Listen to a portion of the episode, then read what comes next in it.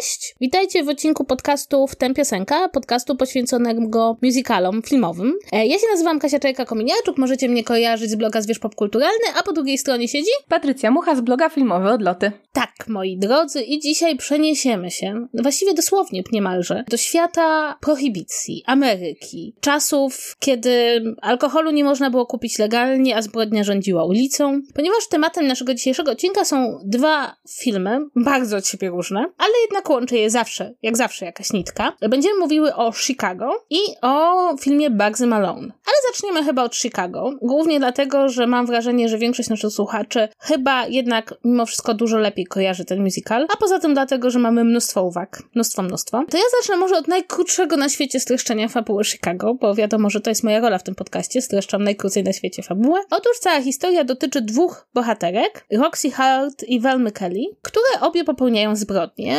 Velma Kelly któregoś dnia wchodzi do pokoju hotelowego po tym, jak została wysłana przez swoją siostrę i swojego męża po to, że przyniosła lód. Wchodzi do pokoju hotelowego, a tam jej mąż oraz jej siostra zajmują się różnymi rzeczami, ale nie jest to e, dyskusja, w związku z tym Velma bierze i strzela. Z kolei Roxy Hart jest dziewczyną, która marzy o tym, żeby e, zrobić karierę i nawet wydaje jej się, że już jest o krok, ponieważ e, wdała się w płomienny romans ze sprzedawcą mebli, który ma przecież jakieś dojścia w świecie lokalnych klubów i miejsc, gdzie można zatrudnić, na przykład Roxy mogłaby się zatrudnić jako piosenkarka, no ale po kilku miesiącach romansu okazuje się, że ów sprzedawca mebli jest tylko sprzedawcą mebli, nie ma żadnych dojść i wtedy zraniona Roxy łapie za pistolet i strzela do swojego kochanka. Jak możecie się domyśleć, obie lądują w więzieniu i, o, i zaczyna się tutaj prawdziwa gra o to, czy uda się przekonać zarówno media, które są tutaj kluczowe, jak i przysięgłych o ich niewinności. A może im się to udać, bo obie wynajmują jednego z najlepszych prawników w mieście. I tak oglądamy historię, która toczy się zarówno na sali sądowej, ale przede wszystkim jest to historia tego, jak ta fascynacja sławą oraz także fascynacja zbrodnią wzajemnie się napędzają i jak czasem zbrodnia uchodzi bez kary. Wydaje mi się, że to jest całe streszczenie, jakie mam. E, oczywiście mówimy o Chicago filmowym, ale Chicago narodziło się na scenie i to narodziło się na scenie trochę w bólach, a trochę z artystycznej wizji. Jedną z osób, którego, której nazwisko jest na zawsze związane Chicago, to oczywiście Bob Foss, którego my tutaj w naszym podcaście bardzo lubimy i lubimy o nim rozmawiać. Chociaż chyba nie rozmawiałyśmy o nim jeszcze w naszym podcaście, co jest ciekawe. Zrobiłyśmy tylko takie krótkie wideo dotyczące całego tego zgiełku, które gdzieś tam możecie wykopać w internecie. Wtedy mówiłyśmy właśnie o Bobie Fossim. Jak? Ale właśnie, bo Patrycja ma dla was tutaj, ponieważ Patrycja ma dla was zawsze coś ciekawe historie, które musielibyście przeczytać w licznych książkach, ale Patrycja zrobiła to za was, to powiem wam teraz trochę o tym właściwie czego ekranizacją jest to filmowe Chicago, które zdobywało Oscary i cieszyło się olbrzymią popularnością w kinach i zapoczątkowało, jak się o tym mówi, właśnie, że tak powiem, odrodzenie formy musicalowej. Trochę tak, chyba, trochę tak, bo przecież przez dwie dekady królowało bardziej kino muzyczne. I zanim ja powiem o tym oryginalnym, e, scenicznym e, Chicago z roku 75, to w ogóle warto powiedzieć, że to jest sztuka z 24. I to nie jest też tak, że między 24 rokiem, czy 26, kiedy ona się w końcu pojawiła na deskach e, teatru, a 75 rokiem, kiedy, kiedy wystawiono Chicago na Broadwayu, nie było nic, bo był e, film e, Cecila B. DeMilla, niejakiego znanego reżysera hollywoodzkiego, film niemy, e, na podstawie tej sztuki i było, i tutaj się pojawia, słuchajcie, tym razem Ginger Rogers. Był film Roxy Hart, właśnie z Ginger Rogers w roli głównej, w roli Roxy. Tam tylko Roxy nie była winna morderstwa, więc to trochę zaprzeczało jakby całej idei, ja filmu nie widziałam, no ale rzeczywiście tak to się wszystko klarowało i Gwen Verdon właściwie stoi za tym projektem, nawet bardziej niż Bob Fosse. Jeżeli widzieliście serial um, Fosse Verdon, albo czytaliście biografię Boba Fossiego, autorstwa Sama Watsona, jednego z naj, najwspanialszych biografistów, to y, Bob Fosse był dosyć niechętny do robienia tego Chicago po jakimś czasie, bo oni się starali jako małżeństwo o to od 15 lat. Od lat 60. Gwen Verdon była zachwycona i to w ogóle był jej pomysł, żeby nakręcić Chicago jako musical, żeby dopisać do niego piosenki. I teraz e, w roku 75 e, powstaje Chicago i na fali popularności w tym samym czasie Bob Fosse robi Leniego. Jest strasznie zmęczony i to możecie też zobaczyć właśnie z serialu Fosse Verdon. I w tym 75 roku muzykę do spektaklu napisali John Kander i Fred Ebb. To są ludzie, którzy wcześniej pracowali z Fossim przy kabarecie. To oni też napisali słynną piosenkę New York, New York z nie tak dobrego filmu Martina Scorsese'ego, ale też jedną z moich kochanych piosenek Barbara Streisand, czyli Don't Rain on My Parade z filmu Funny Lady. No i rzeczywiście ta współpraca dobrze, dobrze gdzieś tam między nimi grała. I w roku 75 e, musical wyszedł na sceny. Niestety wcale nie przyjął się tak dobrze, jakbyśmy dzisiaj mogli po przyjęciu filmowym Chicago sobie myśleć, że, że było dobrze. Spektakl był bardzo cyniczny, był bardzo mroczny, był bardzo w stylu Boba Fossiego. Jeśli znacie jego filmy, znacie Sweet Charity, które też odmieniło oblicze filmowego musicalu i znacie Kabaret, to wiecie jak pesymistyczny, to jest mało powiedziane, był Bob Fosse. No i rzeczywiście to w tamtym czasie widowni nie do końca chyba leżało. W tym samym czasie wielką popularność zdobył spektakl A Chorus Line, czyli chór po polsku. I zresztą zgarnął wszystkie nagrody zamiast Chicago. Było to w ogóle, do tego doszło, że właściwie po dwóch latach Chicago zostało zdjęte, po tysiącu wystawień i właściwie do roku 96 pojawiały się jeszcze różne jakby opcje, jeszcze różne wystawienia, natomiast w 96 roku wystawiono Chicago po raz kolejny, innej zupełnie, że tak powiem, aranżacji, w innej scenografii, bardzo minimalistycznej, gdzie choreografię inspirowaną choreografią Boba Fossiego, choreografią zajęła się Anne Raking, czyli jego też dziewczyna w późniejszym czasie. I rzeczywiście to było to Chicago, które zdobyło ogromny sukces, 10 tysięcy wystawień i po dziś dzień jest właśnie grane, właśnie to wystawienie. Te same utwory, ale zupełnie inaczej e, zaaranżowana scena i właśnie trochę odarcie z tego super pesymistycznego e, nastroju, którym dysponowały w swoich filmach i w swoich spektaklach Fossi. I to jest ważne, żeby to powiedzieć, że film dokładnie robi to samo, to znaczy oddziera cynizm, niejako bardziej mówi o karierze, właśnie o dochodzeniu do show biznesu, o tych właśnie takich spektakularnych latach dwudziestych, czy tam początkach też latach trzydziestych. E, natomiast sama forma wraca raczej do Fossiego. Tam nie ma minimalizmu, tam jest przepych, zgiełk, kolor, teledysk. Warto powiedzieć, że przecież Rob Marshall wcześniej był telewizyjnym reżyserem i dużo rzeczy robił takich bardzo właśnie mocno pociętych, więc forma jak najbardziej z oryginalnego y, musicalu 75, natomiast y, nastrój bardziej z 96. Zresztą jeśli mówimy o tym wpływie Fossiego na, na ten kabaret filmowy, na kabaret, na to Chicago filmowe, e, to nie trudno zauważyć, zwłaszcza widzicie, sama się pomyliłam, dlatego, że po prostu kiedy się ogląda ten film, który przeplata narrację, która dzieje się no, w tym świecie, powiedzielibyśmy, bardziej rzeczywistym, ze scenami, które rozgrywają się w klubie i są, jakby bohaterowie przechodzą płynnie z ze świata tego realnego do tego świata klubu, gdzie śpiewają swoje piosenki, no to nie trudno dostrzec, że jest taki film, który posługuje się bardzo podobnym e, schematem, czyli innymi słowy, to jest pod pewnymi względami bardzo podobny do, do kabaretu, w tym, w tym rozdzieleniu tych dwóch światów, jakby tych dwóch narracji, które jedna się toczy narracja musicalowa komentuje narrację w realnym świecie, chociaż ten realny świat, to też warto dodać, jest też taki, w takim wydaniu bardziej glamour, to znaczy tam nie ma żadnego naturalizmu, tam nie ma właściwie realizmu. Niemniej jednak ten schemat jest dosyć podobny. No i też ostał się w,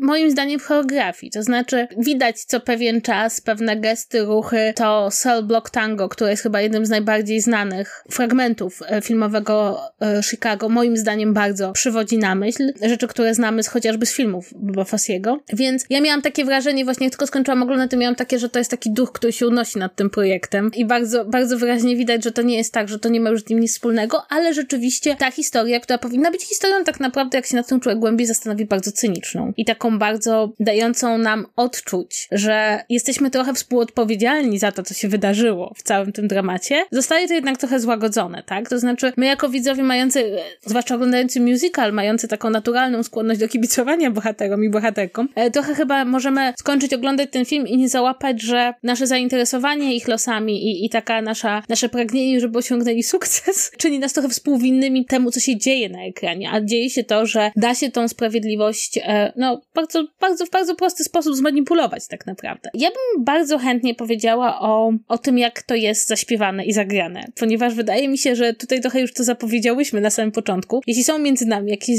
różnice zdań w ocenie Chicago, to zasadzają się one właściwie o odbiór obsady i tych ról. Innymi słowy, ja nie jestem w stanie znieść Renée Zellweger. Dla mnie bardzo odstaje od reszty obsady, przynajmniej dla mnie w tym musicalu. Nie mówię, że nie umie śpiewać, bo umie, ma głos, ale moim zdaniem nie umie dobrze zinterpretować tych, tych utworów, które śpiewa i mam wrażenie, że trochę za bardzo widzę, że ona cały czas gra tą taką teoretycznie pierwszą naiwną bohaterkę. Mam wrażenie, nie wiem skąd brała inspirację, ale jak powiedziałeś, że był film niemy, to mam wrażenie, jakby ją grała trochę takimi gestami i minami z kina niemego. Bo To też jest w ogóle tak, że ci twórcy tego filmu mieli bardzo konkretne aktorki na myśli i twórców w ogóle filmowych na myśli właśnie z kina niemego, na których wzorowali wygląd i zachowania swoich postaci. Oczywiście wydaje mi się, że Catherine Zeta-Jones dużo bardziej siebie włożyła w ten film, natomiast też nie jestem fanką Zellweger w tym filmie, czy Zellweger. Też nie jestem jej fanką, bo uważam, że nie ma, nie ma niczego fascynującego w tej postaci, że właśnie jako osoba, ja wiem, że ona jest nieudaną artystką, że właśnie ona bardziej marzy o tym byciu um, jakby artystką, ale doskonale wiemy w sumie, czemu nią nie jest, bo jest w ogóle nieprzekonująca, w ogóle nie jest uwodzicielska, tak? W ogóle nie potrafi zaczarować tym swoim głosem, w ogóle nie wpisuje się w ten taki, wiecie, zadymiony klimat takich spelun, speakeasies i tak dalej. O speakeasy jeszcze trochę chyba powiem przy, przy Bugsy Malone. I, natomiast rozumiem decyzję obsadową, bo rzeczywiście w oryginale Gwen Verdon zagrała Roxy Hart i Gwen Verdon to jest osoba o bardzo osobliwej urodzie, ale też o bardzo niezwykłych umiejętnościach. I jednocześnie widzimy kogoś, kto ma taką właśnie podłużną twarz, nie jest bardzo przystojna, tak bym powiedziała. Nie jest brzydka, nie o to chodzi, tak? Jakby to też są oczywiście kategorie subiektywne, ale to nie jest w kategoriach broadwayowskich, ani w kategoriach filmowych. Osoba, którą, którą moglibyśmy wpisać w kanon, tak bym powiedziała. Natomiast w momencie, w którym ona zaczyna śpiewać, w momencie, w którym zaczyna grać, to nagle uważa, że to jest najlepsza osoba na świecie. I ma też taki właśnie, takie duże oczy, takie wyraziste rysy twarzy. To jest wszystko to, co ma Renée Zellweger. Też taką twarz. Natomiast nie ma tej umiejętności pokazania, nie wiem, może po prostu nie ma dość dużo umiejętności, żeby zagrać to bardzo, bardzo dobrze. A jak już jesteśmy przy obsadzie, to ja bym tylko bardzo chciała powiedzieć, jako wielka fanka Dirty Dancing, że w oryginalnym, scenicznym wystawieniu rolę Billa Flina grał Jerry Orbach i to jest tata baby z Dirty Dancing. Bang! A propos, a propos crossoverów, to ja powiedziałam, zanim zaczęliśmy nagrywać, bo my zawsze troszeczkę omawiamy nasze uwagi, że ja osobiście uważam, że jasne jest, że Roxy Hart powinna zagrać Michelle Williams, która w Foss Verdon gra po prostu rolę Gwen Verdon i po prostu trzeba było poczekać z tą ekranizacją. Ale właśnie, a propos obsady, to ja bym chciała powiedzieć, że nie da się mówić o Chicago, moim zdaniem, nie mówiąc o tym, co zrobiła Catherine Zeta-Jones. To jest w ogóle bardzo ciekawe, dlatego, że wydaje mi się, że dla większości widzów amerykańskich ona się kompletnie nie kojarzyła wcześniej z musicalem, ale przecież ona miała karierę musicalową i zresztą miała potem karierę e, musicalową, bo występowała chociażby w Little Night Music bardzo, bardzo udanie. I muszę powiedzieć, że dla mnie to jest, e, jak znam jej filmografię, to jest rola życia. To znaczy jakby wszystko tam się zgadza. Od jej wyglądu, przez to jak ona tańczy, przez to jak ona śpiewa, przez to jak naprawdę, kiedy jest taka scena, kiedy Velma tańczy przed Roxy ten swój układ, żeby jej pokazać, że mogłyby występować razem, kiedy zaczyna sobie zdawać sprawę, że sława nowej przestępczyni ją przerasta, to w tym jak ona to tańczy widać jej desperację. To wcale nie jest proste, zatańczyć skomplikowany układ taneczny i do tego śpiewać skomplikowany utwór muzyczny i jeszcze zagrać do tego wszystkiego tą krańcową desperację bohaterki, która zdaje sobie sprawę, że walczy trochę o swoją przyszłość i swoje życie. I to się udało Catherine Zeta-Jones. Ja powiem szczerze, że ja uwielbiam w tym filmie. Każda scena, w której ona jest, jest jej sceną. Ona się tam, widać jak ona się w tym absolutnie cudownie pewnie czuje. A do tego wszystkiego ja doczytałam, że jak oni tam dogrywali jeszcze jakieś niektóre elementy choreograficzne, to ona była w ciąży. Więc już w ogóle jak, jakiś, dla mnie to jest jakiś kosmos w ogóle. Przyznam szczerze, że jak rzadko mam tak, że się autentycznie, personalnie cieszę, jak ktoś dostaje Oscara za swoją rolę, to pamiętam, że właśnie jak Catherine Zeta-Jones dostała za rolę w Chicago, to miałam takie poczucie, tak. Well done Academy. well done Academy, tak. A że to jest taki rzadki przykład sytuacji, w której rzeczywiście wszystkie elementy się, wszystkie elementy się zgrywają. Ja się bardzo cieszę, że ona nie, nie urodziła na tej scenie wtedy, jak odbierała e, Oscara, dlatego, że chyba to był dokładnie dzień i terminu porodu, więc to już w ogóle, wiecie, emocje, to wpływa na tego typu rzeczy. Natomiast muszę powiedzieć, że dla mnie, jak myślę właśnie o tym filmowym Chicago, to myślę o Catherine Zeta-Jones jako o osobie, której dano po prostu, dano jej autentycznie rolę życia i trochę, trochę też żałuję, że potem jakoś bardzo jej musicalowo nie wy... czy ona nie chciała, żeby ją wykorzystano w ten sposób, czy jakoś tak po prostu wyszło, że nie miała potem wielu musicalowych ról na ekranie. Bo rzeczywiście tu pokazała, że dla niej to jest musical, jest takim miejscem, gdzie ona się fantastycznie czuje. Ale ona też po prostu y, miała dosyć spadek kariery. Wydaje mi się, że po dzieciach y, niestety spotkało ją to, co spotyka bardzo wiele aktorek, czyli na ten moment nie ma dla niej ról, ponieważ jest po 40 i nie jest Meryl Streep, więc nie może dostać nic konkretnego. Ona zagrała jeszcze w of Ages, jeśli chodzi o musicale filmowe. Natomiast to, co z Catherine Zeta-Jones jest wspaniałe, to to, że od pierwszego ujęcia, kiedy ją widzisz, się w niej zakochujesz. Zakochujesz się w tej łobuziarze, a jak już jest ten moment, w którym ona spogląda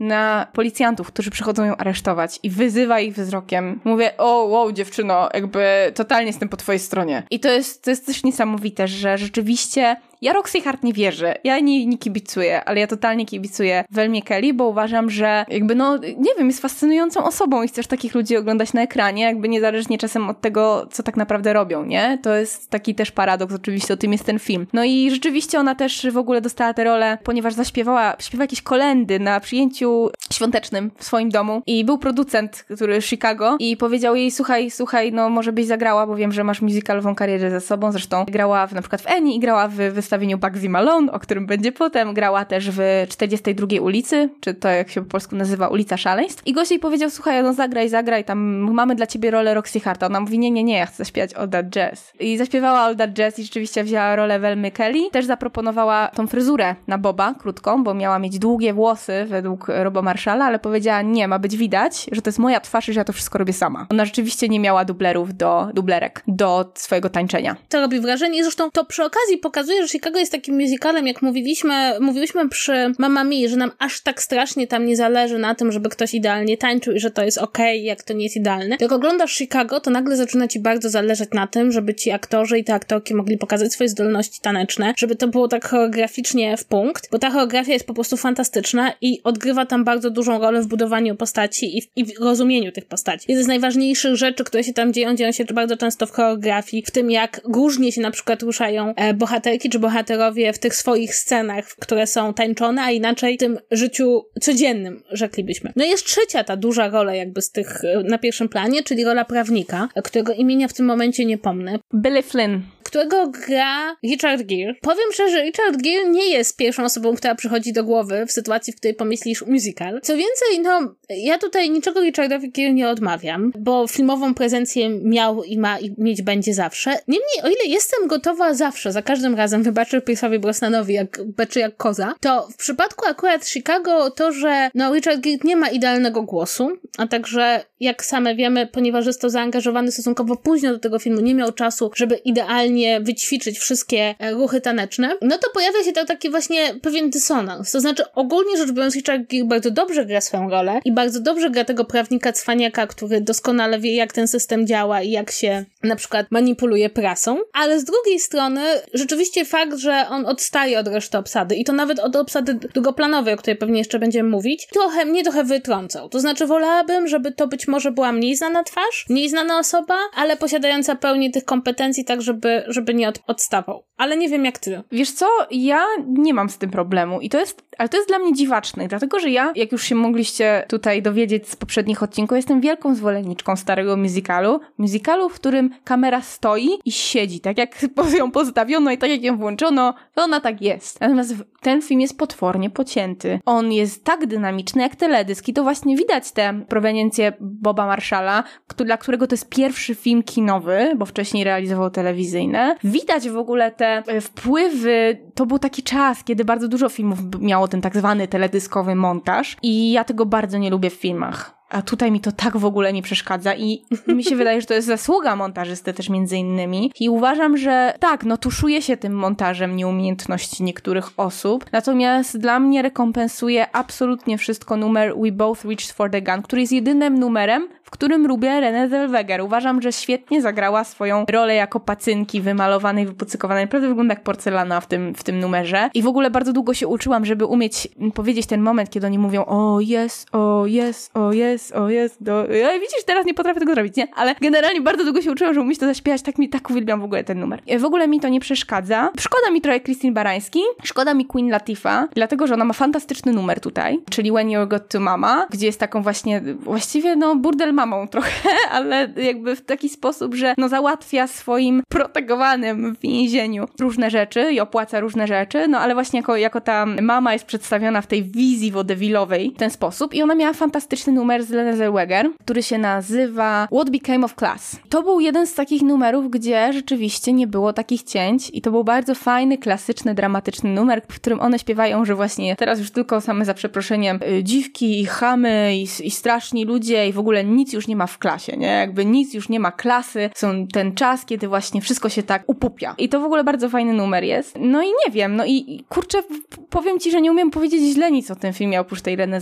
Zellweger, która mi nie pasuje, ale rozumiem, dlaczego się tam znalazła. Także nie masz we mnie kompana w tym, w tym krytykowaniu, sorry. Dobrze, to to w takim razie będę krytykować sobie Amuzą, bo chciałabym powiedzieć, że jak tobie ten teledyskowy element nie przeszkadza, to mi trochę przeszkadza. To znaczy, wydaje mi się, że on działa przez większość filmu, ale są takie sceny, gdzie wolałabym, żeby było bardziej scenicznie. Chyba najbardziej przeszkadza mi to w tej scenie, w której Richard Gere jako prawnik właśnie przedstawia argumentację i pokazuje, że sala sądowa jest trochę jak cykl, w którym należy jakby wystawić odpowiednie przedstawienie i zaczarować e, zarówno sędziego, jak i przysięgłych, jak i widownię. I to jest przeplatane tą sytuacją, w której on stepuje. I ja bym wolała, żebyśmy zobaczyli tą sekwencję bardziej statycznie, bo wtedy można jakby bardziej się skupić na tym, czym jest stepowanie, czyli pewnym popisem umiejętności. Miałam takie cały czas wrażenie, że to nie robi na mnie wrażenia takiego, jak powinno, ponieważ właśnie jest za bardzo pocięte i, i cała ta magia stepowania nie przekłada się wtedy z języka teatru i sceny na język filmu. Natomiast jeśli chodzi o obsadę drugoplanową, to zgadzam się z sobą absolutnie, że tam nie ma, autentycznie drugim planie tam nie ma ani jednej złej roli. Na przykład John C. Reilly, który gra męża Roxy Hart. Jest to tak cudowna rola. Ja w ogóle muszę wam powiedzieć, że od czasu, kiedy zobaczyłam Johna C. Reilly w Chicago, jestem mu w stanie wybaczyć wszystko. On potem grał i nadal grywa w koszmarnie kretyńskich, idiotycznych komediach. Ja mu za każdym razem wybaczam, bo to jest taki dobry aktor i tak ładnie śpiewa i tak umie grać. Więc ja mu z góry wybaczam wszystko, co robi głupiego, bo ja wiem, że on to musi zrobić, żeby mógł robić fajne rzeczy. Tak samo uważam, że Queen Latifah też jest dla mnie zaskakująca, bo jak gdybym ja zobaczyła Queen Latifah w Chicago, to ja bym w nią rzucała dramatycznymi rolami i rolami musicalowymi po prostu tak, że ona by się od tego nie była w stanie opędzić. A tymczasem ona też miała taki duży fragment kariery, kiedy Hollywood kompletnie nie wiedziało w ogóle, co się z nią robi. I też ma, miałam takie straszne poczucie ma- zmarnotrawienia Christine Bawański, która jest w tym filmie w ogóle cudowna. To też jest tak, że masz świetny, osobę, która ma świetny głos, doświadczenie sceniczne, po prostu Broadway w moim palcu i to jest postać trzeciego planu, zresztą bardzo zmieniana względem postaci scenicznej, więc to jest trochę tak, że mam wrażenie, że mój największy zarzut względem Chicago to nie jest to, że to jest zły film, ale że jak jego oglądam, to cały czas mam takie wrażenie, że jakby troszkę tą śrubkę cynizmu, troszkę tą śrubkę, jakbyśmy bardziej wrócili do tej wersji z lat 70., jakbyśmy bardziej uświadomili ludziom, którzy oglądają ten film, jakby, że oni są współ, współwinni tych wszystkich zbrodni, żeby to bardziej, bardziej człowiekiem ruszało. I mam wrażenie, że po prostu to jest uładzona wersja uładzonej wersji i mam wrażenie, że tak za łatwo weszło. Ja bym chciała, żeby to tak bardziej, bardziej bolało przy przełykaniu. Tak, żeby jakby ostatecznie, choćby na końcu, bo właśnie czasami jak ta myśl się pojawi na końcu i musisz ją przetrawić po seansie, a nie w trakcie jej zapomnieć, bo ci się pojawi, nie wiem, w połowie filmu i potem ją porzucisz, bo musisz śledzić akcję, to rzeczywiście byłoby fajne, gdyby był taki pstryczek w nos. Tymczasem ten pstryczek się pojawia trochę wcześniej, kiedy y, umiera jedyna niewinna, najprawdopodobniej jedyna y, niewinna więźniarka, ale nie mamy czasu się nad tym zastanowić, bo już lecimy z następną piosenką za chwilę. Więc rzeczywiście nie ma też tego, tej odpowiedzialności na nas jako widzach, jako współtwórcach, właśnie tego przemysłu opartego na skandalu, tak? No bo to jest rzeczywiście o tym, o tym film i o tym spektakl. I wiesz co, ja bym się jeszcze odniosła do tego, do tego montażu i do tego właśnie, do tej dynamiki, bo wydaje mi się jedna rzecz, że to, co mam za złe, jak teraz o tym myślę, Robowi Marshallowi, to zaproponowanie takiego modelu musicalu, który strasznie dobrze kliknął, natomiast nikt go nie potrafi po powtórzyć, to wespół z Bazem Lurmanem, tak? Tutaj Baz Lurman i jego Moulin Rouge i te wszystkie nowe wersje starych utworów. I tutaj oni razem zaproponowali coś nowego, tylko że problem jest taki, że to się prawie nigdy nie sprawdza. Kliknęło kilka razy i teraz wszyscy chcą robić dynamiczny musical y, z mocnym montażem, którym jakoś usprawiedliwimy piosenkę, bo współczesna publiczność, jak powiedział Rob Marshall, nie jest gotowa na to, żeby zaakceptować, że ktoś nagle śpiewa. I rzeczywiście jesteśmy prawie 20 lat później i mamy widownię, która nie lubi musicalu, dlatego, że ktoś jej pokazał Chicago i pomyślał, że to jest jakby jedyny obowiązujący współcześnie model. I trochę winie za to bo, Roba Marshalla. Zresztą ja mam takie wrażenie, że to jest ciekawe, bo Rob Marshall trafił w dziesiątkę z Chicago, a potem jak się zabierał za musicale, a Hollywood co pewien czas mu oferuje zrobienie musicali, to częściej chybiał niż trafiał. To znaczy Nine w jego wykonaniu jest filmem tak bardzo żadnym, że ludzie zapomnieli w ogóle, że on istnieje. Into the Woods, które ja lubię, ale dlatego, że lubię musical Sondheim natomiast mam wrażenie, że problemem było to, że Disney zrobił Into the Woods, która jakby no nie jest musicalem wpisującym się w świat Disneya za bardzo, a a na samym końcu najnowsza Mary Poppins, którą uważam za zbrodnię na musicalowej ludzkości. I uważam, że ten film powinno po prostu, nie wiem, po prostu powinni przyjść policjanci musicalu i powiedzieć, że ten film nie istnieje, o czym może kiedyś powiemy, więc jakby sam Rob Marshall nie jest w stanie dorównać Robowi Marshallowi z Chicago, co jest, co jest bardzo, bardzo ciekawym przykładem. Ja bym chciała jeszcze powiedzieć o tym, że tak jak sobie oglądałam e, ten musical teraz, bo ogólnie rzecz biorąc trzeba przyznać, że Chicago to jest hit na hicie, to znaczy człowiek kończy oglądać ten musical, to trochę nie wie co nucić, bo chce nucić wszystko naraz i wszystko po kolei. I po prostu co piosenka to wpada w ucho i przynajmniej dla mnie tam nie ma takich piosenek, wiecie, w, każdym musicalu pojawia się taka piosenka, którą słuchasz i może jak jej słuchasz 40 raz, to nagle ją odkrywasz na nowo i masz takie, okej, okay, dobra, to nie będę przeskakiwać przez numer ósmy na tej płycie, a tutaj praktycznie takich, takich numerów nie ma. Natomiast chciałabym się odnieść do tego, że zobaczyłam jeszcze raz, tym razem w kontekście filmu, to Cell Block Tango, które jest takim naj, najbardziej chyba znanym, wielokrotnie przerabianym numerem. I muszę ci powiedzieć, że jednak coś się chyba przestawiło w moim mózgu przez te kilkanaście, czy chyba prawie 20 lat od, od premiery Chicago, bo ten poziom seksualizacji mhm. który tam się pojawia, sprawiał, że czułam się niekomfortowo. Nie czułabym się niekomfortowo, gdyby to było na scenie, bo scena rządzi się swoimi prawami, ale jak to jest na taśmie filmowej, to miałam takie poczucie, że dlaczego one mają na sobie tak mało? Co jest oczywiście mhm. śmieszne, biorąc pod uwagę, że aktorki, które grają, bo, grały Boba Fossiego, bardzo często miały na sobie mało, ale jakoś to mnie wtedy nie raziło. W tej jednej scenie miałam takie poczucie, że, że nie, że jakoś nie czuję się z tym, nie czuję się z tym bardzo komfortowo. Ja miałam tylko wrażenie, że jest tam trochę dłuższych ujęć. Jak dzisiaj sobie odświeżyłam, to mówię, o no, no, jak to szybko leci rzeczywiście. Jest to świetnie zmontowane. Fajne są te momenty takie wytrącające z rytmu tej piosenki, tak? Że myślisz, że dalej będzie wyliczanka, a tu nagle jest jakiś ciekawy moment, tym, potem wracamy do tych opowieści. Więc ja bardzo lubię, jak ten numer jest zbudowany, chociaż uważam, że tyle razy go już widziałam i słuchajcie, u mnie w szkole, w liceum, to nawet jak miałam pożegnanie jako maturzystka, a myśmy zawsze robili takie w szkole, u nas były takie pożegnania, że drugoklasiści robili dla trzecioklasistów jakieś pożegnanie na jakiś motyw i my robiliśmy w drugiej klasie na Madagaskar, a nam zrobiono właśnie na Cellblock Tango i w ogóle na więzienie. To słuchajcie, było tak popularne i tak wszyscy to oglądali, tak wszyscy się z tym zachwycali, że ja już dzisiaj lubię inne numery. Bardziej. Lubię właśnie Johna C. Reilly, który też w ogóle miał e, kilkuletnią karierę, że tak powiem, sceniczną, w tym sensie, że występował wcześniej nie jakoś bardzo, bardzo znanych miejscach, ale uczył się jak tańczyć, jak śpiewać i tak dalej. Więc to też widać, że on ma poczucie rytmu i robi świetne jazzy hands, które też sobie Bob Fosse ukochał. Więc wolę inne piosenki. Właśnie wolę When You're Good to Mama, wolę e, Mr. Cellophane i uwielbiam numer końcowy. I to też jest bardzo ciekawe, bo Nowadays to jest numer, którego miał nie być, też w oryginalnym Chicago. Tam miał być inny numer, natomiast e, on nie zagrał Fossiemu. Kander i Epp wymyślili nowy numer Nowadays, który miała śpiewać tylko Gwen Verdon. Właśnie to miał być jej popisowy numer na koniec. Tymczasem Bob Fosse powiedział, nie, nie, nie, to będzie duet i w ogóle to, to była wielka e, chryja między nimi. Oni już wtedy byli dawno, nie po rozwodzie, się nigdy nie rozwiedli, ale już dawno byli po rozstaniu, więc oczywiście to były też trochę personalne takie gierki. Natomiast, no śpiewały to w spektaklu e, Rivera i Gwen Verdon razem, ale tutaj w filmie trochę oddaje hołd e, Rob Marshall też właśnie temu pomysłowi i Gwen Verdon, bo na początku Renée Zellweger śpiewa tę piosenkę sama, dopiero potem dołącza do niej Vel McKelly. I w ogóle, e, wiesz, jeszcze tak chciałam powiedzieć, e, że jeszcze dotyczące te, tego czasu, kiedy ten musical powstał, że to też jest bardzo ciekawe, że to jest 2002 rok, po tym wznowieniu Chicago, które z kolei samo w sobie było rok po sprawie OJ'a. I też mam wrażenie, i dużo osób o tym wspominało, że to w jaki sposób właśnie OJ został wyplątany ze sprawy o morderstwo przez bardzo sprytnych prawników, bardzo się dobrze im rymowało w kontekście Chicago i tego, żeby ono wróciło do nas. I tym bardziej tutaj bym powróciła do tej kwestii związanej z tej brakiem odpowiedzialności nas jako widzów i nas jako uczestników tego całego cyrku medialnego, że z jednej strony właśnie odbieramy to jako rozrywkę, a z drugiej nie bierzemy odpowiedzialności za tą rozrywkę, którą chcemy oglądać. Tak, i słuchajcie, ponieważ już e, trochę o Chicago powiedziałyśmy, a ja nie wyciągnę tutaj chyba żadnych negatywnych uwag, muszę się z tym pogodzić i po prostu...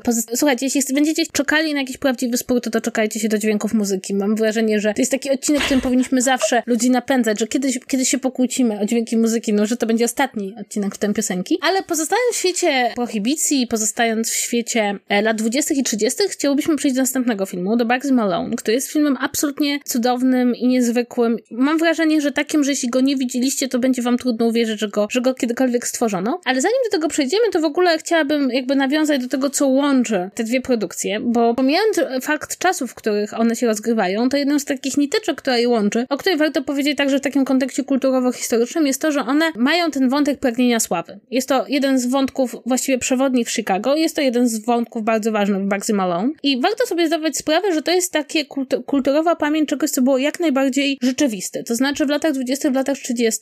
te pragnienie dostania się do Hollywood, czy pragnienie zrobienia sławy było olbrzymie. Z wielu powodów. Jedno to z tego, że w ogóle wtedy zaczął się rodzić ten kult gwiazd i wtedy przez to, że wytwórnie bardzo dbały o wizerunek swoich aktorów i aktorek, no to jakby to były takie nieskalane gwiazdy, które wszyscy kochali, wszyscy uwielbiali. No i nie trudno się dziwić, że ludzie chcieli dołączyć do tego świata. Po drugie, dlatego, że wtedy w ogóle w sytuacjach, kiedy się załamuje gospodarka, kiedy są duże przemiany, no to pojawia się tak, takie pragnienie, żeby się wyróżnić, żeby zostać zauważonym, żeby zostać dostrzeżonym. I to w ogóle nie chodziło wyłącznie o aktorstwo czy o karierę muzyczną, bo na przykład jeśli zobaczycie na historię Stanów Zjednoczonych, to wtedy strasznie modne było bicie rekordów. Kto najdalej najdalej podskoczy, kto najdalej poleci, kto przejdzie najwyżej, na zawi najwyżej zawieszonej linie pomiędzy dwoma punktami. Wszystko po to, żeby zwrócić na siebie uwagę, żeby media zwróciły na siebie uwagę, bo to jednak jest ten świat, w którym jeszcze prasa ma olbrzymie znaczenie i to, kto jest na pierwszej okładce. I warto zdawać sobie sprawę, że to takie pragnienie bycia sławnym się bardzo mocno odbiło w kulturze. Zresztą było przez tą kulturę także w dużym stopniu napędzane, dlatego, że to jest zawsze takie sprężenie zwrotne, czyli kultura pokazuje nam e, ludzi, którzy odnieśli sukces i my też pragniemy odnieść sukces tak jak ci ludzie, czy wielkie wielkie wytwórnie doskonale sobie radziły tworząc tych, no, prawie już niepowtarzalnych w naszych czasach e, gwiazdorów i gwiazdy, bo było ich mniej i były dużo bardziej pilnowano, żeby nie wrzucały głupich zdjęć na Instagramie. Ja bym bardzo to chciała przywołać także w takim kontekście, że bardzo często się mówi, że współcześnie na przykład młodzież bardziej chciałaby zrobić karierę na Instagramie, czy być influencerem, niż astronautą, czy kosmonautą. I wydaje mi się, że to jest po prostu pewna taka cykliczność e, naszych, naszych postaw względem świata. Jesteśmy w niespokojnych czasach, że to pragnienie sławy, dostrzeżenia, takiego zaznaczenia swojej indywidualności ma dla nas olbrzymie znaczenie i ono też miało olbrzymie znaczenie w latach 20. i 30. Nie wiem, jak to świadczy o naszej przeszłości, absolutnie, ale war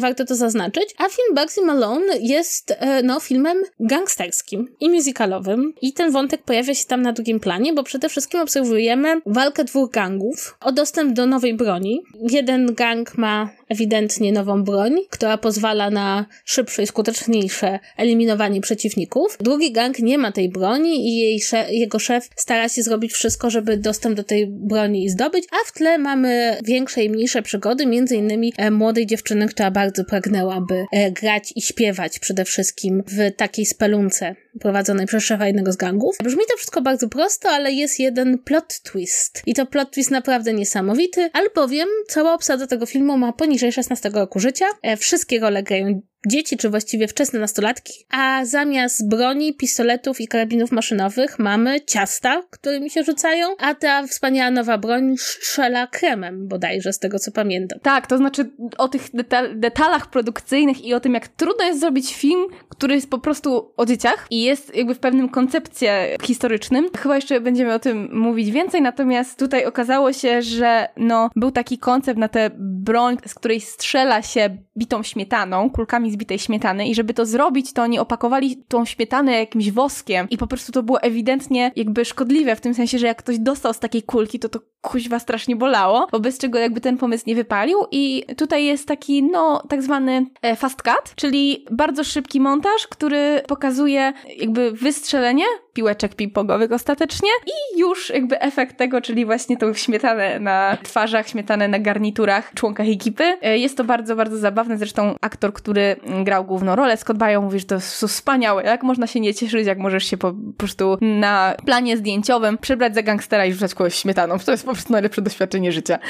Jeśli myślicie sobie, Boże, co to za przedziwny pomysł, to musimy was uspokoić. Sam Alan Parker przez wiele lat, reżyser filmu, nie do końca się do niego przyznawał i dopiero sam przyznał, że potrzebował bardzo wielu lat, żeby się z tym filmem pogodzić. Co ciekawe, w ogóle prawie nikt w ten film nie wierzył i to do tego stopnia, że został on tak naprawdę w szerokiej dystrybucji wypuszczony bodajże tylko w Wielkiej Brytanii i Chinach, czy w jakimś takim, w jakichś takich dwóch bardzo odległych od siebie terytoriach, gdzie całkiem dobrze zarobił. Natomiast w Stanach Zjednoczonych uznano jednak, że dzieciaki rzucające w siebie ciasta, mówiące jak prawdziwi gangsterzy z Chicago, to jednak, czy z Nowego Jorku, to jednak być może trochę jest za dużo dla widowni amerykańskiej. Była tam ograniczona dystrybucja, w związku z tym nie okazał się to hit. Natomiast to jest bardzo, bardzo ciekawy przykład filmu, który pokazuje, jak dużo wolności daje twórcom e, sięgnięcie po formułę musicalową. Dlatego, że podejrzewam, że gdybyśmy dostali ten film bez piosenek, bez tego elementu musicalowego, no to do końca filmu człowiek siedziałby i myślał sobie, czy ja oglądam film, w którym dzieci udają gangsterów? Czy ja chcę na to spędzić półtorej godziny? Ale kiedy pojawia się element musicalowy, to wiesz, że jesteś w świecie umownym. Że wszystko jakby co widzisz, e, co się dzieje, e, należy traktować w dużym stopniu umownie. I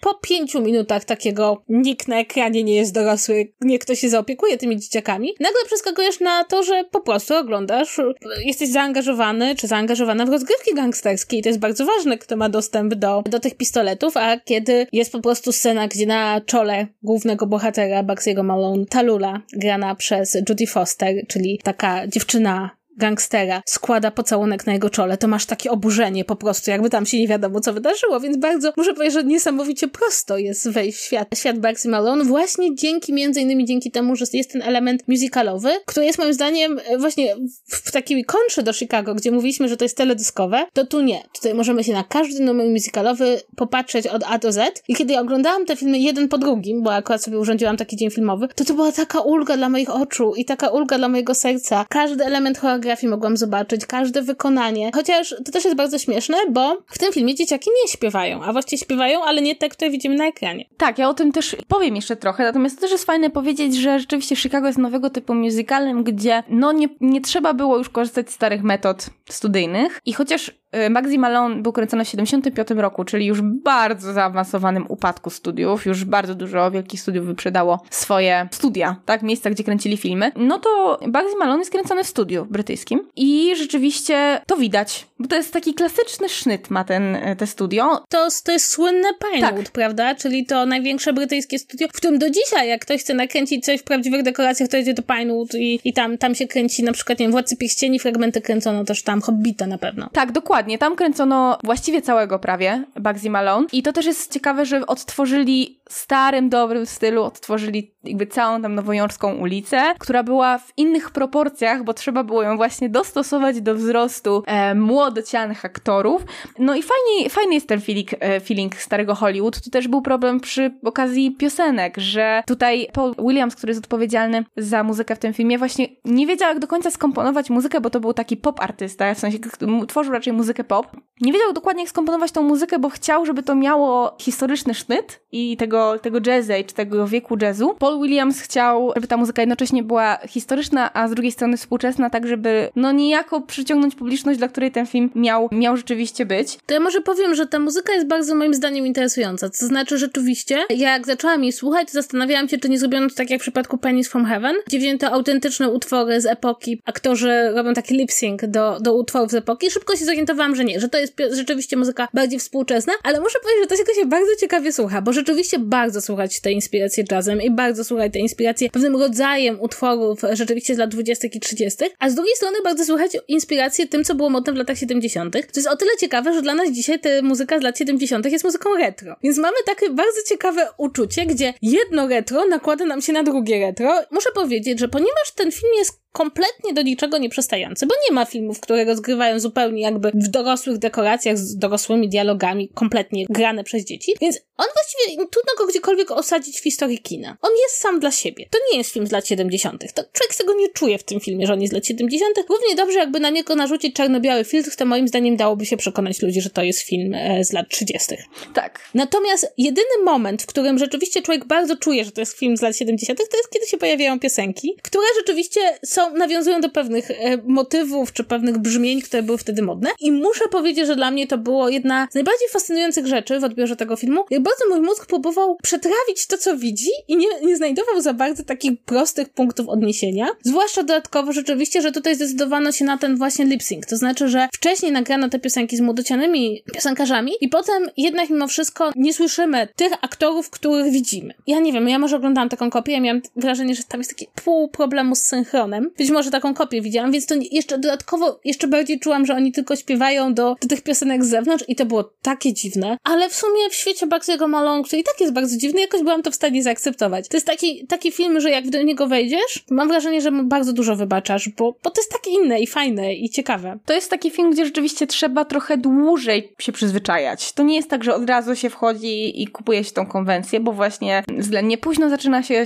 śpiewanie, względnie późno też zaczyna się rozumienie tego, że to nie śpiewają ci młodociani aktorzy. Zresztą Paul Wimes potem powiedział, że, że żałuje tej decyzji, że wolałby jednak, żeby te dzieciaki to śpiewały, bo kurczę, czuć to, że jakby jest ten dysonans, e, mimo tego, że dzieciaki grają bardzo dobrze. I jak mówisz o tym, że to jest taki film, w którym ostatecznie mu wszystko wybaczasz, to też Roger Ebert powiedział coś bardzo fajnego, że dla tych dzieciaków to nie jest film, ani musical, ani, ani gangsterski film, dla nich to jest ich historia, że właśnie to, co tracimy z dojrzewaniem, to jest ta umiejętność zamienienia dom, tyłu swojego domu, czy swojego ogródka w ok koral, tak? Czyli właśnie to słynne miejsce, gdzie była jedna z najsłynniejszych strzelanin westernowych, takich dzisiaj byśmy powiedzieli, na, dziki, na dzikim zachodzie. Nie trzeba było dużo nam za dzieciaka, żeby bawić się w Indian, albo żeby bawić się w cokolwiek, nie wiem, ja się bawiłam w odlotowe agentki i w, nie wiem, Herkulesa i y, księżniczkę Ksenę i że jakby wszystko mogło być zaadaptowane do tego świata i że oni, te dzieciaki, oni nie grają, oni naprawdę są tymi gangsterami. I to widać w przypadku aktora, który gra Fat Sama. On jest tak dobry w tym filmie, on naprawdę jest po prostu szefem gangu. I on naprawdę tymi ludźmi pomiata, zresztą bardzo ciekawe jest to z zaplecza,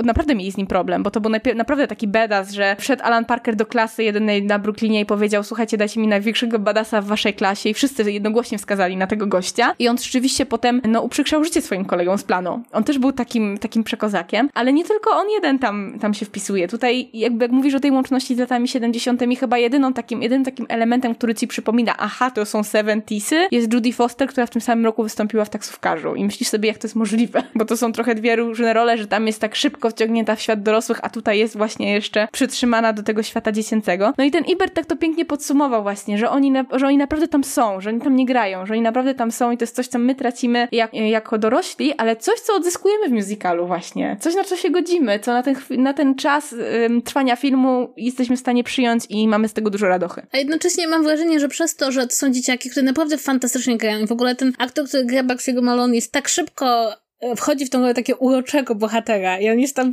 taki czaruś po prostu względem wszystkich, wszystkich bohaterek dziewczęcych, które tam są. I masz takie poczucie, że dzięki temu, że to są dzieciaki, to one ci bardzo dobrze pokazują właśnie to, jak to wszystko jest konwencjonalizowane, jak wszyscy jesteśmy szybko w stanie rozpoznać, kto jest kim w całym tym sporze, jak te sceny w ogóle są poddane niesamowitemu skonwencjonalizowaniu. Dla mnie jest cudowna scena w pralni, gdzie bohaterowie, gdzie członkowie gangu idą sprawdzić, prawda, co się dzieje i zostają rozszerani ciastem. I jakby tworzenie nastroju kolejnych scen i ta właśnie, moim zdaniem, bardzo czysta gra aktorska, niezmanierowana, bo to też jest warto powiedzieć, że bardzo często dzieciaki, które grają w filmach są bardzo zmanierowane i bardzo często, no widać tą sztuczność. Tutaj właściwie, ja potem patrzyłam, co się stało z ludźmi, którzy grali w tym filmie. No, jak może obiło wam się do uszy, że Jodie Foster miała całkiem niezłą karierę filmową.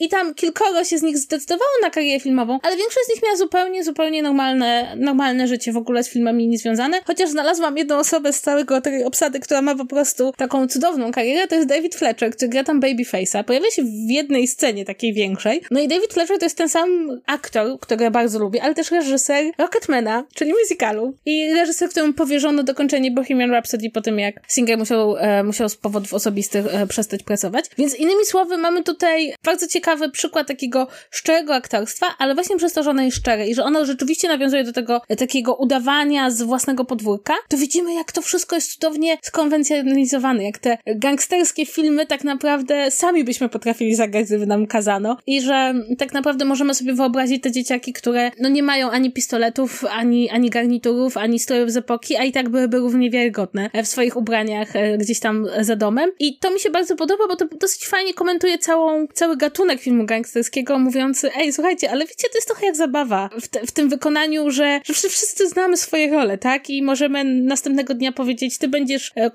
kowbojem, a ty będziesz Indianinem, tak? A za tydzień będzie inaczej. Ty będziesz gangsterem, a ty będziesz dobrym e, bohaterem. Więc to jest, e, to, to było dla mnie takie bardzo interesujące w tym. E, wiesz co, w ogóle jeszcze fajną karierę taką telewizyjną, 80 miał Scott Baio i to jest też bardzo śmieszne, bo ja najpierw zobaczyłam Bugsy Malone, potem obejrzałam film, który nazywa się Zap, a po polsku to jest Chłopak o bombowym wzroku, bo rzeczywiście on tam miał bombastyczny wzrok. To jest taka seks komedia. On przede wszystkim tym wzrokiem rozpinał sweterki kobietom w, w swojej szkole, a potem jeszcze, e, słuchajcie, miał taki, taki telewizyjny sitcom Charles in Charge. I ja nie mogłam się powstrzymać ze względu na te dwie rzeczy, które widziałam wcześniej, dwa filmy. Kupiłam sobie to w Stanach na DVD za dwa dolary.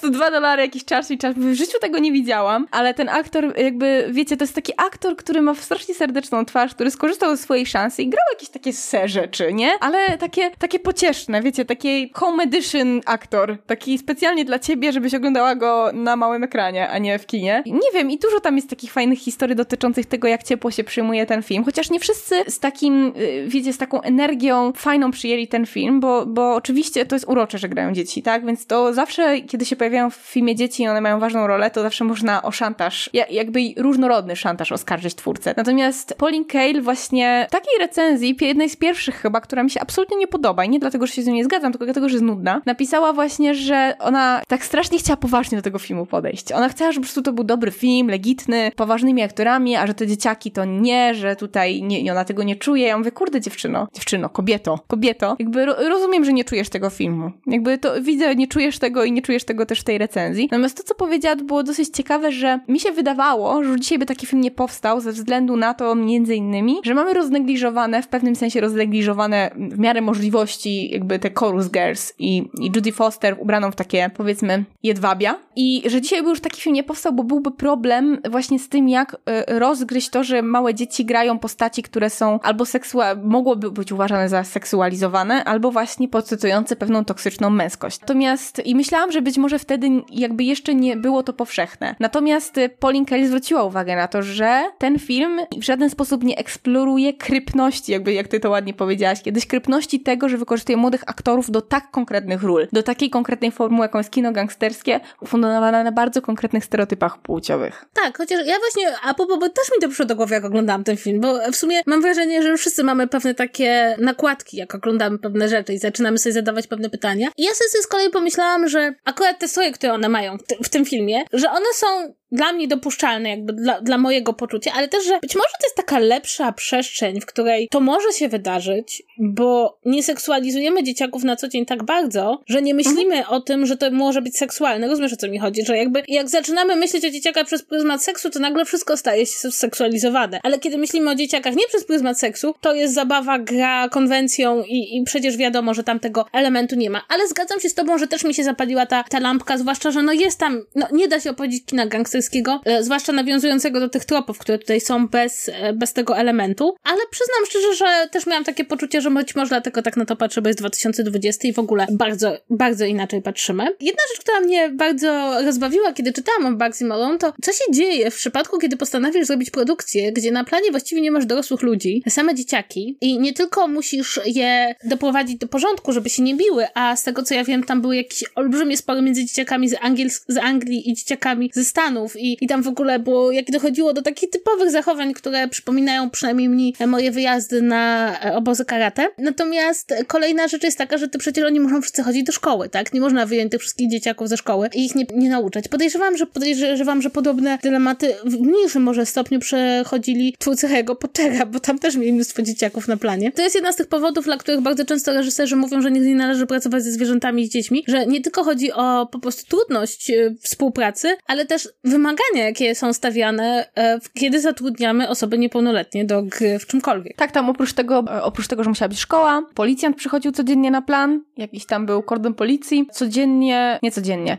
musiały też być badania bardzo dokładne, zrobione, dotyczące tego, jak w jakim stanie są dzieciaki, tak, takie, które przychodzą na plan. Pomówmy trochę o numerach musicalowych. Oczywiście trochę o nich zaczęłyśmy, mówiąc, że rzeczywiście one są, no ciekawie, ciekawie zaaranżowane jako muzyka. Natomiast e, moim zdaniem numer brawurowy, które z moim narzeczonym sobie często puszczamy, w sumie nie wiem dlaczego, ale potem trudno nam go jest wyrzucić z głowy, to jest oczywiście numer śpiewany przez Judy Forster, czyli My Name is Talula. E, uważam, że jest tym po prostu coś takiego fascynującego w tym um, takim subtelnym podejściu do bardzo konkretnego tematu, czyli że rzeczywiście jest fan fatal. I to jest fan fatal, my o tym wiemy, że to jest ta figura fan fatal, która wychodzi ze sceny i uwodzi młodych ludzi, którzy mają pisakiem narysowane wąsy, e, ale robi to bardzo subtelnie. To znaczy nie czujemy właśnie tej, znów wrócę do tego wątku, tej seksualizacji. Ona nie epatuje w żaden sposób, ona nie jest zachęcana do tego prze, przez nikogo, tak? To znaczy jednocześnie jest fascynująca jako fan fatal młodociana, a z drugiej nie ma moim zdaniem ani krzty takiej wątpliwości co do tego, że to jest jakaś taka zabawa, fan i ona rzeczywiście bardzo dobrze też udaje to jak śpiewa, czyli bardzo dobrze lipsynkuje, jakoś ten głos wyjątkowo pasuje do niej, tej jej postaci. No i nie wiem, i podoba mi się ta piosenka po prostu i podoba mi się to, jakie tam jest to zaaranżowane i tam w tle tańczą te chorus girls jeszcze. I w ogóle uważam też, że oczywiście to jest, y, to nie jest idealne, ale choreografia jest y, bardzo dobrze wytańczona przez te dzieciaki, jak na to też, że w długich ujęciach jest przedstawione. No bardzo lubię ten numer i jeszcze bardzo lubię taki numer, w którym pojawia się Fred Astaire, czyli numer Tomorrow, y, polegający na tym, że jest, pojawia się tam, jest taki sprzątacz, młody, który dzień w dzień stawia się właśnie u swojego szefa, żeby mm, po prostu na spotkanie, żeby nie być dłużej sprzątaczem, tylko żeby móc tańczyć sam u niego i stepować. A on codziennie mówi, nie, przyjdź jutro, bo dla ciebie dzisiaj nie mam czasu. I on sprząta ten bar, te Speak Easy i śpiewa właśnie Tomorrow i mówi, że kiedyś zobaczycie, że będę jak Fred Astaire i trzyma takie buty, więc on to rzeczywiście wyśpiewuje. I tutaj może taka krótka, taka krótka dygresja, czym jest Speak Easy, bo może nie jesteście wszyscy znajomi z tym terminem. Speak Easy to jest właśnie taka knajpa, czy takie, taki bar, takie miejsce, które właśnie było prowadzone przez gangsterów i ono nie było dostępne jakby tak publicznie w tym sensie, że trzeba było mieć specjalne dojścia do niego i tam był zawsze alkohol, tutaj się to nazywa specjał w tym filmie oczywiście i trzeba było zapukać w odpowiednie miejsce, właśnie do jakiejś pralni, na zapleczu był ten wielki bar i właśnie nazywało się to Speak Easy, dlatego, że trzeba było mówić po cichu. Jak chciało się gdzieś kogoś tam wkręcić, to trzeba było tak po cichu zasugerować. Stąd te Speak Easy. E, uwielbiam to słowo. Tak, na polski to się chyba tłumaczy tak luźno z peluna, to znaczy w taki właśnie oddaje oddając, oddając to, że nie jest to być może miejsce, które jest najlepiej znane. Ja w ogóle zauważyłam pewien motyw przewodni tych utworów, który mi się strasznie spodobał. Dlatego, że zarówno w Tomorrow, jak i w Bad Guys, które kocham za choreografię, jak i e, So You Wanna Be a Boxer, jak i także w piosence końcowej pojawia się taki wątek, kim chcesz być, kim mógłbyś być, jakie są twoje marzenia? E, I w Tomorrow jest właśnie to marzenie o tym, że jestem sprzątaczem, a chciałbym być tancerzem. E, w Bad Guys jest to, że mogliśmy być kim chcieliśmy, ale zdecydowaliśmy się być tymi zakapiorami. W So You Wanna Be a Boxer jest właśnie to marzenie, także sława bokserska, sława sportowa była bardzo ważna w tamtych latach. Na samym końcu jest też taki wątek, że moglibyśmy być każdym, kim chcemy. I wydaje mi się, że bardzo dobrze w tych utworach, już pomijając fakt, że mają po prostu fajną choreografię, na przykład Bad Guys ma Uwielbiam choreografię Bad Guys, ponieważ jest taka tradycyjna, ale jednocześnie bardzo dobrze widać, że te dzieciaki same tańczą i nie wszystko wychodzi idealnie, ale właśnie dlatego to jest takie, to jest takie fajne. To bardzo mi się właśnie podoba to, że udało mi się w tych utworach, które brzmią bardzo różnie i, wy, i oddają bardzo różne marzenia, oddać tę atmosferę wówczas, kiedy bardzo wiele osób chciało być kimś innym niż jest. Kiedy wszyscy, kiedy jednym z takich elementów w kulturze i jednym z takich jakby wysokich pragnień było być kimś, prawda? Być piosenkarką, być bokserem, e, być tancerzem, wyrwać się z tej sytuacji, w której się się jest, no bo zwykle w tej sytuacji, w której się jest, nie jest ci najlepiej i brakuje ci pieniędzy, brakuje ci szans. I bardzo mi się podoba, bo to jest taki fajny przykład na to, jak bardzo różne utwory w musicalu, wykonane w bardzo różny sposób, mogą tak naprawdę odwoływać się do pewnych motywów przewodnich. I to mnie absolutnie zachwyciło, ponieważ jest wiele znanych musicali, które kompletnie tego nie potrafią zrobić. A tutaj to tak, mimo że te utwory nie pojawiają się tak bardzo regularnie, to tutaj tak fajnie ten element się pojawia. A jeszcze jak do tego wszystkiego dodamy, że grają to dzieciaki, czyli dzieciaki, które też wywołują nas takie uczucie, że to jest ten moment, w którym sobie wyobrażamy, kim będziemy. Czasem podejmujemy decyzję, kim będziemy, że jeszcze to się na to nakłada, na to marzenie ich bohaterów, którzy są dorośli. Nakładają się dziecięce marzenia i to takie właśnie dziecięce pragnienie, że mo możemy wybrać, czy będziemy bandziorem, bokserem, a może marzy nam się taniec. I muszę powiedzieć, że na takim metapoziomie bardzo to do mnie przemówiło i sprawiło, że mam takie poczucie, że to wszystko ma tak dużo sensu. I, i jestem zdziwiona, że Alan Parker, który stworzył ten film, potrzebował tyle czasu, żeby przyznać, że, że ten film miał tyle sensu. On zresztą zresztą przez wiele, wiele lat nie lubił dawać e, praw autorskich i zezwalać na różne sceniczne wystawienia. Robił to rzadko, był zwykle niezadowolony, ale słuchajcie, w 2015 roku było nowe wznowienie w Londynie i podobno był zachwycony i powiedział, że niektóre elementy nawet są lepsze niż w filmie i rzeczywiście był, naprawdę był, był zachwycony i też chyba on po, po wielu, wielu, wielu, wielu latach trochę łagodniej podchodził do samego siebie, mm, do tego, co stworzył. To nie jest też jakiś, to jest reżyser, który zrobił parę dobrych filmów, ale to też nie jest reżyser taki, którego byśmy uznali za jakiegoś wybitnego, bo byśmy powiedzieli, że to jest taki, taki rzemieślnik, tak? No bo on zrobił Mississippi w ogniu, w ogóle zrobił inne filmy muzyczne i muzykale. Jego jest Sława, Evita, Pink Floyd The Wall, to są w ogóle dosyć takie popularne filmy, ale to nie są też filmy mistrzowskie, bo tam wiele rzeczy nie gra. To nie o to chodzi, że, że on jest jakiś, jakiś mistrzem i on chyba zdawał sobie bardzo dobrze sprawę ze swoich, e, ze swoich niedociągnięć, natomiast ten Bugsy Malone mu gdzieś tam bardzo ciążył, e, z różnych względów. Też tutaj właśnie w wywiadzie, którego udzielił Michałowi Walkiewiczowi dla Webu, właśnie powiedział o tej e, O'Kale, że ona totalnie totalnie wykraczała poza swoje, poza swoje kompetencje, niszcząc ludziom życie, komentując. I więc on taki, taki miał trochę resentyment, y, być może. Ale ciekawe jest właśnie jako postać to, jak on y, zmieniał podejście do swoich własnych filmów i w ogóle do, do reżyserskiej kariery. On potem już przerwał kręcenie filmów i nie miał więcej potrzeby. On chciał już odpocząć. I jest tylko kilku, kilkoro takich reżyserów, którzy się decydują na taki krok. Zwykle mówi się o tym, że reżyserzy to do samej śmierci po prostu pasja filmowa, potrzeba mówienia, czy to będzie Ken Loach, który jest już wiekowy, ale wciąż wie, że są po prostu rzeczy, które musi opisać w swoim kinie społecznym, czy to będzie Martin Scorsese, który po prostu jeden za drugim film robi, bo po prostu wie, że jest świetny i tak dalej. A on tu miał takie właśnie, a dobra, jakby luźno, luźno, nie? I to też jest fajne, że ten film pokazuje niejako warsztat, a z drugiej strony pokazuje pewne podejście, które nie jest ukierunkowane na robienie arcydzieła, bo ten film w żadnym wypadku arcydziełem nie jest, ma dużo błędów i tak dalej, ale każdy w nim może znaleźć coś dla ciebie. My tutaj rozmawiałyśmy też przecież o tym wcześniej, właśnie przed nagraniem, że to nie jest tylko musical, że jeśli nie, jeśli nie lubi musicalu, to na przykład jak lubisz kino familijne, takie na niedzielę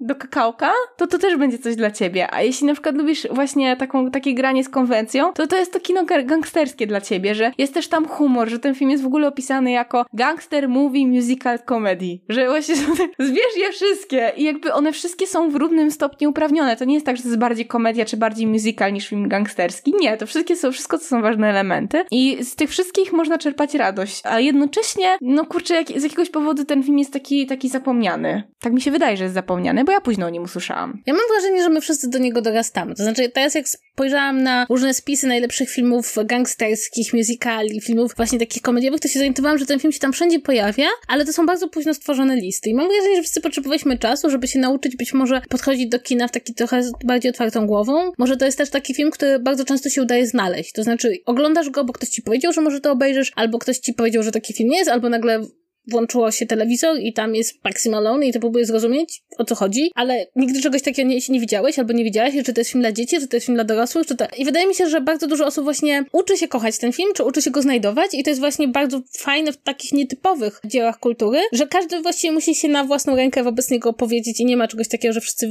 wiemy, że musimy obejrzeć Maxi Malone, tylko musimy go wszyscy znaleźć i się względem niego opowiedzieć i zdać sobie sprawę, że na przykład wcale nie było łatwo nakręcić scenę, gdzie bohaterowie uciekają w samochodzie, ale ten samochód tak naprawdę jest rower, który jest udekorowany na samochód i to nie jest prosto rozpędzić się na czymś takim. I w niektórych scenach widać panów z obsługi, którzy popychają te, rowery, te samochody, rowery, żeby one działały. I wydaje mi się, bo już będziemy powoli kończyć, bo mówimy ponad godzinę, a jednak mimo wszystko wiemy, że wy też macie ograniczoną ilość czasu. Więc tak naprawdę chciałabym powiedzieć, że to jest w ogóle bardzo, bardzo ciekawe, jak są takie pewne motywy w kulturze popularnej, amerykańskiej kulturze popularnej, które wracają i mam wrażenie, że właśnie, że ta kultura związana z prohibicją i w ogóle ca cała ta historia tych lat 20. i 30., taka być może trochę poczucie, że to nie było takie piękne, ale też trochę może taka tęsknota za czasem, w którym się rodził jazz i za czasem, za czasem, kiedy właśnie trzeba było mówić szeptem, żeby się napić, ale wszyscy mieli poczucie, że, że to jest, że te czasy były w jakiś sposób ciekawe i też były ciekawe dlatego, że media ówczesne i ich skandale ówczesne jakby otworzyły fundament amerykańskiej kultury popularnej, że to jednak jest coś takiego, że nie powinniśmy się dziwić, że chyba nie są jedyne muzykale, które do tego nawiązują i mogłybyśmy w ogóle ułożyć zupełnie innych tytułów taki odcinek. I w ogóle, że ta cała kultura to jest coś, co do, do czego mamy w jakiś tam sposób dostęp, bo przecież lata 20 i lata 30 to jest bardzo prężnie rozwijające się kino Hollywood i zawsze można wrócić jakby do tych wizerunków i też zobaczyć tę fascynację na żywo trochę, uchwyconą właśnie historycznie. W takich filmach chociażby jak e, strona tytułowa czy Dziewczyna Piętaszego, o których mówiłam w drugim odcinku naszego podcastu. W tym rodzącym się, jakby rodzącej się bardzo nowej kulturze, która oprócz tego, że była bardzo specyficzna kulturowo i rodziło się wtedy bardzo dużo jakby nowej sztuki, nowej muzyki, nowego kina, no to właśnie y, y, jakby rodziły się od razu mity na temat tego i to jest, to jest bardzo, y, bardzo interesujące, bardzo ciekawe. Wybrałyśmy też te filmy, nie wiem, mi się też bardzo kojarzy z prohibicją brązowy kolor i nie wiem, nie wiem, mam wrażenie, że nawet Chicago, które wcale nie jest brązowe, jakby w moich oczach i w mojej pamięci jest brązowe i takie bardzo nieoczywiste i z jednej strony bardzo oczywiste, a z drugiej bardzo nieoczywiste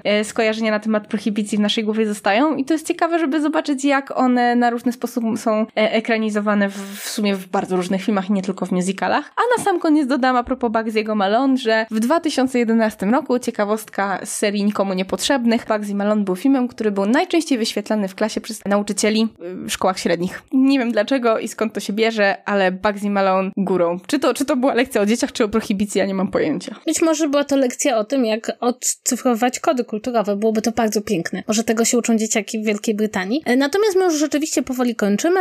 Oczywiście zawsze jak kończymy, to zapowiadamy, co będzie w następnym odcinku. Patrycja wam powie, co będzie w następnym odcinku. W następnym odcinku, słuchajcie, to się pojawiło na Instastory u Kasi, na w pytaniu i od razu pomyślałyśmy, że to jest świetny motyw, żeby, e, żeby się tym zająć. Tak, będzie odcinek, odpowiadamy po raz pierwszy na wasze potrzeby, będzie odcinek o filmie Cal do Szczęścia i komponujemy to razem z Rocky Horror Picture Show, więc wiemy, że to będzie bomba. Będziemy po prostu opowiadać o kultowym filmie i zestawimy go z kultowym filmem i obsypiemy to jeszcze odrobiną kultu i ogólnie mamy nadzieję, że będzie wam się podobało. A natomiast jeśli wam się już podoba wszystko, co robimy, to macie tyle możliwości, żeby nam to przekazać. Możecie do nas napisać na maila w tym piosenka.gmail.com. Możecie dać nam subskrypcję na YouTubie. Możecie nas obserwować na Spotify i możecie także, uwaga, uwaga, obserwować naszą playlistę w tym piosenka, która jest zarówno na YouTube, jak i na Spotify. Jest to playlista, w której po każdym odcinku dodajemy utwory, o których mówiłyśmy, dzięki czemu możecie zrobić sobie taki fajną rzecz, że na przykład słuchacie naszego odcinka, robicie przerwę, słuchacie piosenki, o której mówimy, po prostu nowa usługa. Możecie nam oczywiście także wystawiać oceny w aplikacjach podcastowych, zwłaszcza byłoby nam bardzo miło, jakbyście nam wystawili oceny na iTunes,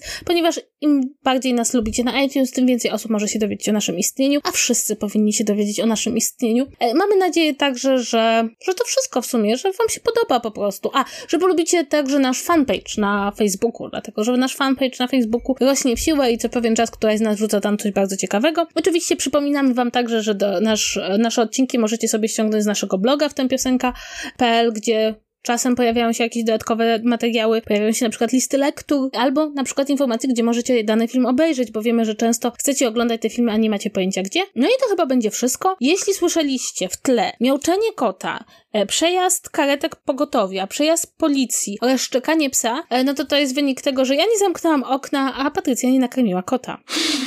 tak było. Dobrze, ale kot został już nakarmiony, więc y, obrońcy zwierząt prosimy, prosimy nie, nie, nie dzwońcie pod takie numery i mamy nadzieję, że usłyszymy się w następnym odcinku z wami wszystkimi, a także z jakimiś nowymi osobami, które namówicie do naszego podcastu. I to tyle w tym tygodniu. Do usłyszenia. Pa, pa. Pa, pa.